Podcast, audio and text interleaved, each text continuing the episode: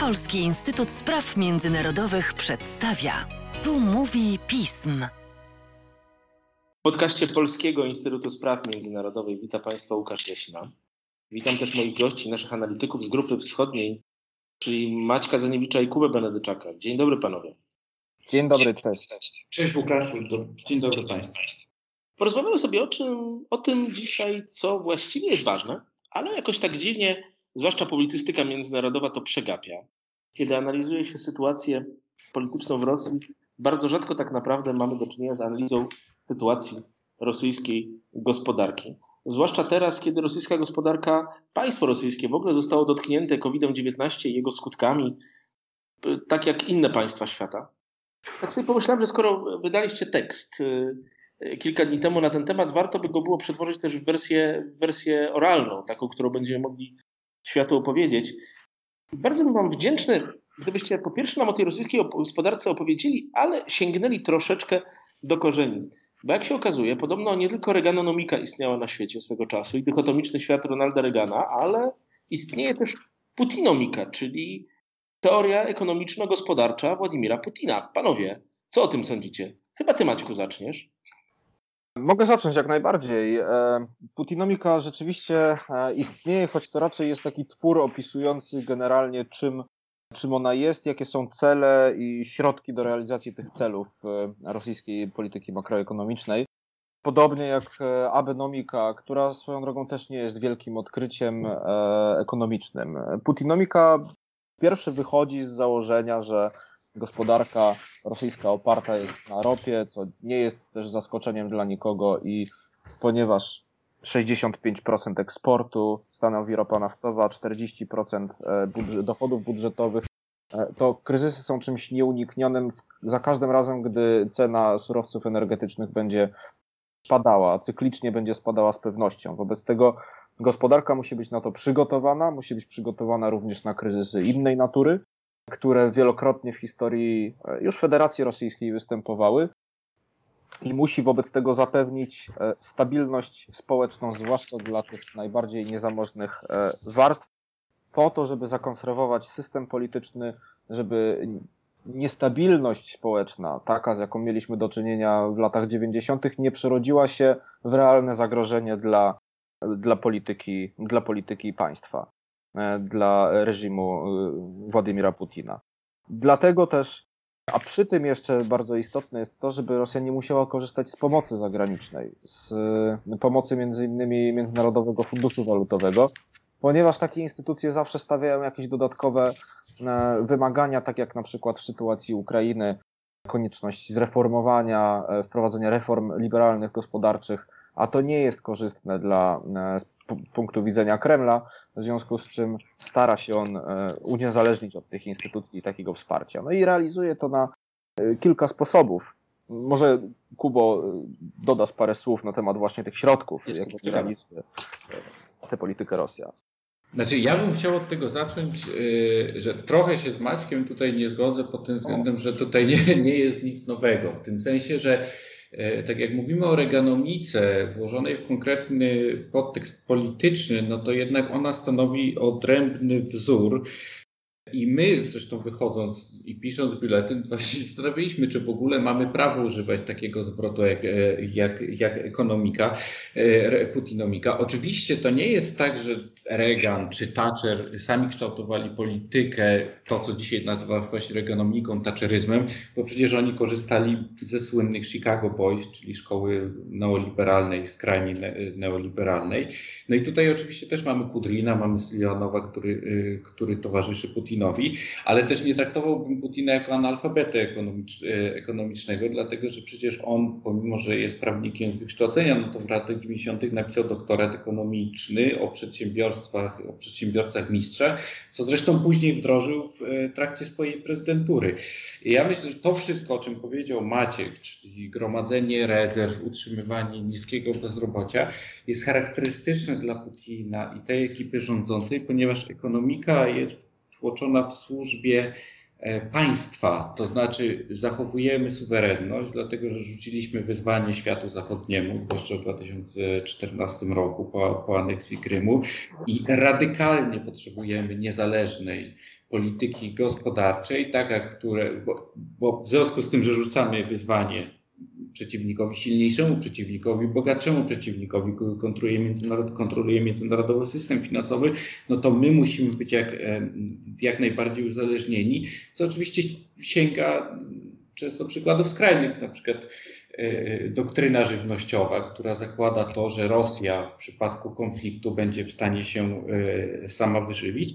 I dodałbym już kończąc jeszcze jeden element, że skoro wrzuciliśmy wyzwanie światu i skoro chcemy zachować całkowitą niezależność, no to tutaj jeszcze potrzebna jest nam stabilność i to e, również Rosji relatywnie wychodzi, bo jak weźmiemy na przykład Human Development Index, który jest takim najbardziej wymiernym wskaźnikiem tego, na jakim poziomie znajdują się społeczeństwa pod względem wykształcenia, długości życia, oczekiwań i oczywiście dochodów, no to jednak Rosja, co prawda w ogonku, ale znajduje się wśród państw najbardziej rozwiniętych. Jeśli chodzi o redukcję ubóstwa, no to Rosja też w ostatnich latach radzi sobie dość dobrze czy nawet jeżeli weźmiemy pod uwagę rozwarstwienie społeczne, pomimo istnienia ogromnej, znaczącej warstwy bogaczy w Rosji, no to też Rosja sobie tutaj lepiej radzi na przykład niż Stany Zjednoczone, niż Chiny, Indie czy y, Brazylia.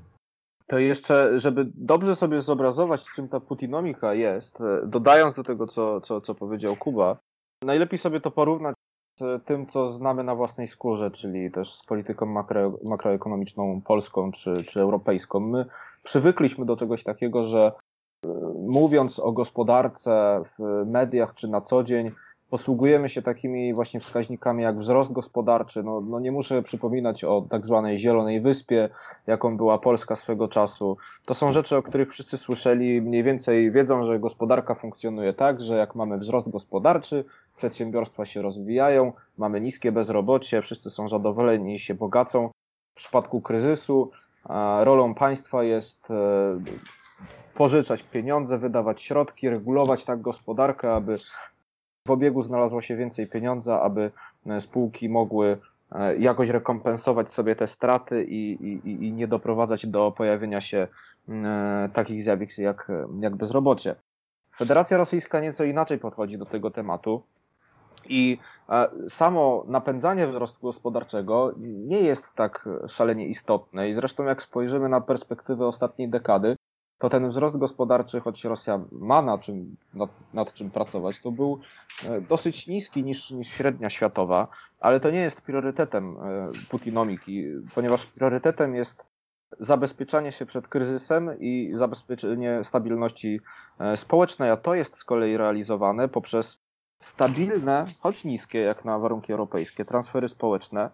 To, o czym też wspomniał Kuba, czyli gwarantowanie niskiego bezrobocia, ale z kolei nie poprzez napędzanie gospodarki jako takiej, tylko poprzez rozbudowanie sektora budżetowego, e, czyli administracji lokalnej, federalnej, spółek Skarbu Państwa, których jest całkiem sporo, spółek państwowych, precyzyjniej mówiąc, i z drugiej strony gromadzenie nadwyżek budżetowych Polityka państw europejskich polega na zaciąganiu ciągłego, tak naprawdę na balansowaniu na granicy zrównoważonego budżetu, ale raczej w stronę deficytu i zaciąganiu długu publicznego w celu właśnie finansowania nowych inwestycji. Polityka rosyjska jest inaczej nakierowana.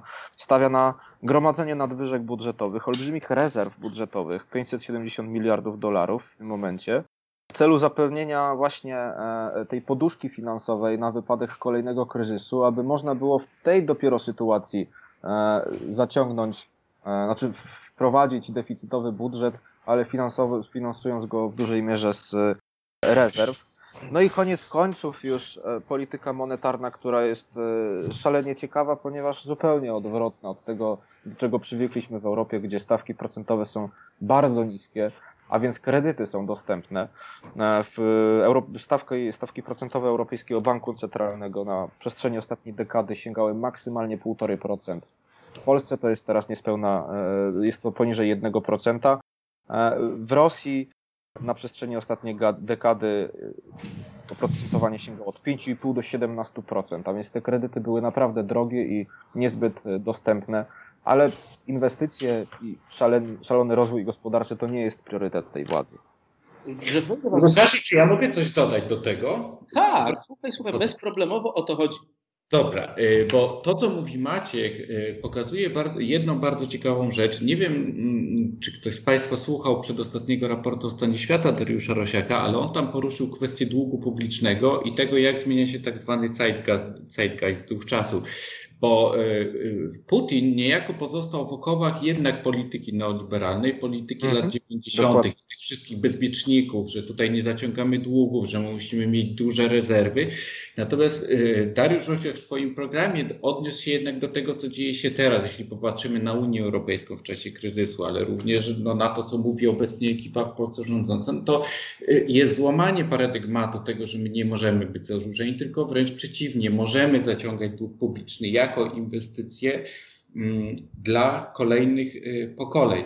Natomiast Rosja jest tutaj czymś, czymś całkowicie przeciwnym, to znaczy właśnie pozostająca w tym, tak trochę, w tym, co my nazywamy y, reganomiką i takim no, skrajnym oszczędzaniem i skrajną dyscypliną e, budżetową. Tak jakby tutaj nie zauważono Y, ducha czasu, jednak zupełnie innego, moim zdaniem anachronicznego e, e, podejścia, które było stosowane na przełomie lat 80. i 90.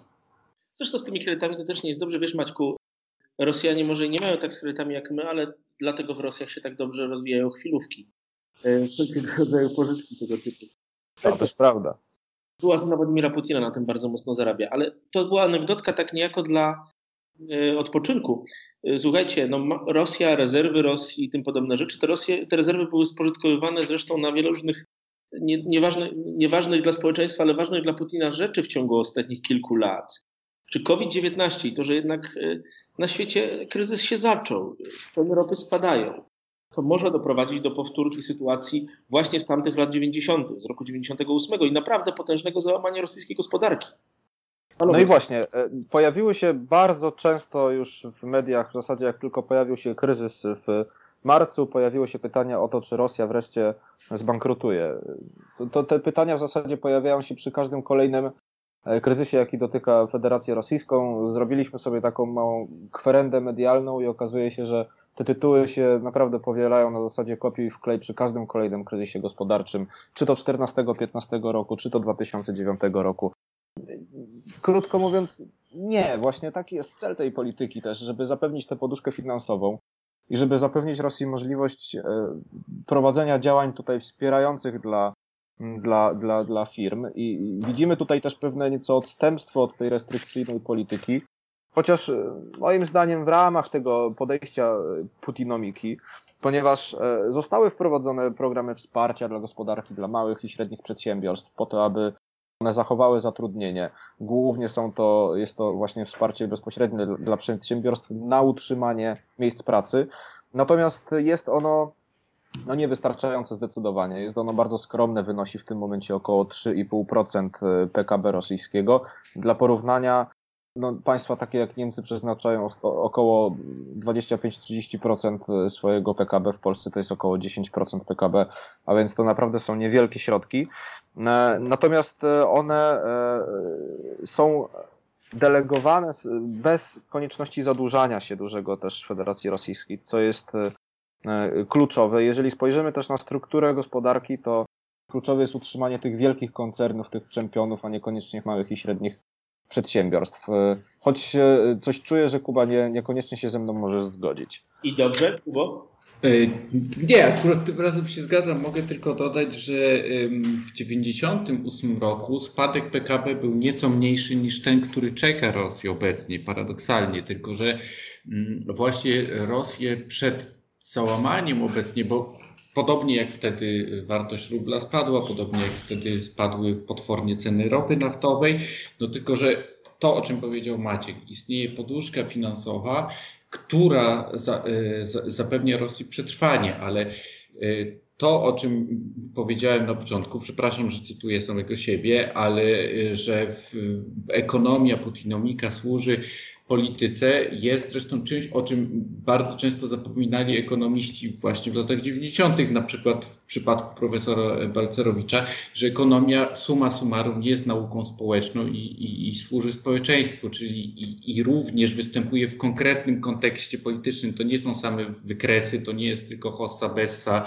to nie jest recesja, wzrost gospodarczy, tylko to istnieje w konkretnym, w konkretnym kontekście politycznym, jest wtłoczone w konkretne cele polityczne takiego albo innego państwa, takiego albo innego przywódcy i również jest konkretną koncepcją odniesienia się do społeczeństwa. Jeżeli Federacja Rosyjska posiada takie, a nie inne cele, czyli dążenie do świata wielobiegunowego, rzucenie wyzwania e, Zachodowi, umacnianie naszych interesów w różnych państwach, czyli musimy inwestować w służby, musimy inwestować w zbrojenia, musimy inwestować w technologie wojskowe, no to właśnie prowadzona Putinomika dokładnie temu służy i tak samo to, co powiedział Maciek, transfery społeczne relatywnie niskie, ale jednak zapewniające stabilność społeczną, zapewniają relatywny znowu spokój w przypadku prowadzenia takiej, a nie innej polityki. Jest jeszcze jeden ważny niuans, to znaczy już bardziej taki globalny, ten kryzys, z którym mamy obecnie do czynienia, odróżnia to od kryzysu 98 roku, że to jest kryzys gospodarczy, ale nie finansowy. E, nie doszło do załamania się sektora finansowego, nie doszło do masowych niewypłacalności banków, doszło do załamania się popytu w związku z lockdownem we wszystkich państwach świata praktycznie. Ten popyt w tym momencie wrócił, a niekiedy nawet przewyższył poziomy sprzed marca, sprzed lutego. E, i gospodarka na nowo odrabia straty. Natomiast e, sytuacja w Rosji będzie, no też nic odkrywczego nie powiem, zależała w dużej mierze od czynników globalnych, takich jak kondycja sektora finansowego. W tym momencie, jak spojrzymy na giełdy wszystkich państw, to e, banki nie odrobiły swoich strat giełdowych w notowaniach i od e, tego, jak będzie się rozwijała właśnie druga fala zachorowań, jak będzie realizowana polityka lockdownu w innych państwach, też będzie zależało, czy nie dojdzie do masowych bankructw banków i właśnie ten kryzys gospodarczy w rezultacie nie przerodzi się w kryzys finansowy, a to z kolei może już poważnie zagrozić Federacji Rosyjskiej, dlatego że rubel nie jest mocną walutą. Mimo, że Rosja chciałaby tak postrzegać rubla, to rubel jest e, walutą podatną na spekulacje, podatną na spadek wartości. I gwałtowny spadek wartości rubla byłby bardzo ciężki do uratowania przez Bank Centralny Rosyjski, mimo tak dużych e, rezerw e, zgromadzonych. I już nie wchodząc aż bardzo mocno w kwestie gospodarcze, obecnie Bank Centralny Rosji, tak jak wszystkie inne, obniżył stopy procentowe, żeby zwiększyć dostępność pieniądza, rozruszać gospodarkę. Gwałtowny spadek wartości rubla wymusi na banku centralnym podwyższenie też, e, znaczy będzie skutkował inflacją, wymusi podwyższenie stóp procentowych, a to z kolei tak naprawdę e, doprowadzi do załamania tej polityki. Ja tylko jeszcze bym chciał dodać cegiełkę do tego wszystkiego, jeśli chodzi o rezerwy finansowe, że w ciągu ostatnich lat Rosja stała się drugim po Chinach państwem z największą ilością rezerw finansowych w juanach, to jest około 14%. Zwiększała też euro, e, ale, e, ale tak jak powiedziałem, zwłaszcza tutaj w ostatnich latach widać e, wzrost rezerw w juanach i to jest kolejny czynnik, no, że zbliżenia rosyjsko-chińskiego to wiadomo, ale y, mówiąc kolokwialnie, wymiksowywania się Rosji na tyle, na ile może z y, obiegu finansowo-walutowego świata zachodniego. Oczywiście to jest jeszcze raczkowanie, no bo 14% to nie jest tak wiele, no ale już znacznie więcej niż y, pozostałych państw, niż rezerw, które Rosja miała na przykład 10 lat temu. No i to jest rzecz, której zazwyczaj się w mediach nie omawia a wy to właśnie omówiliście. Kubo, Maczku, do następnego podcastu. Bardzo dziękujemy. Dziękujemy.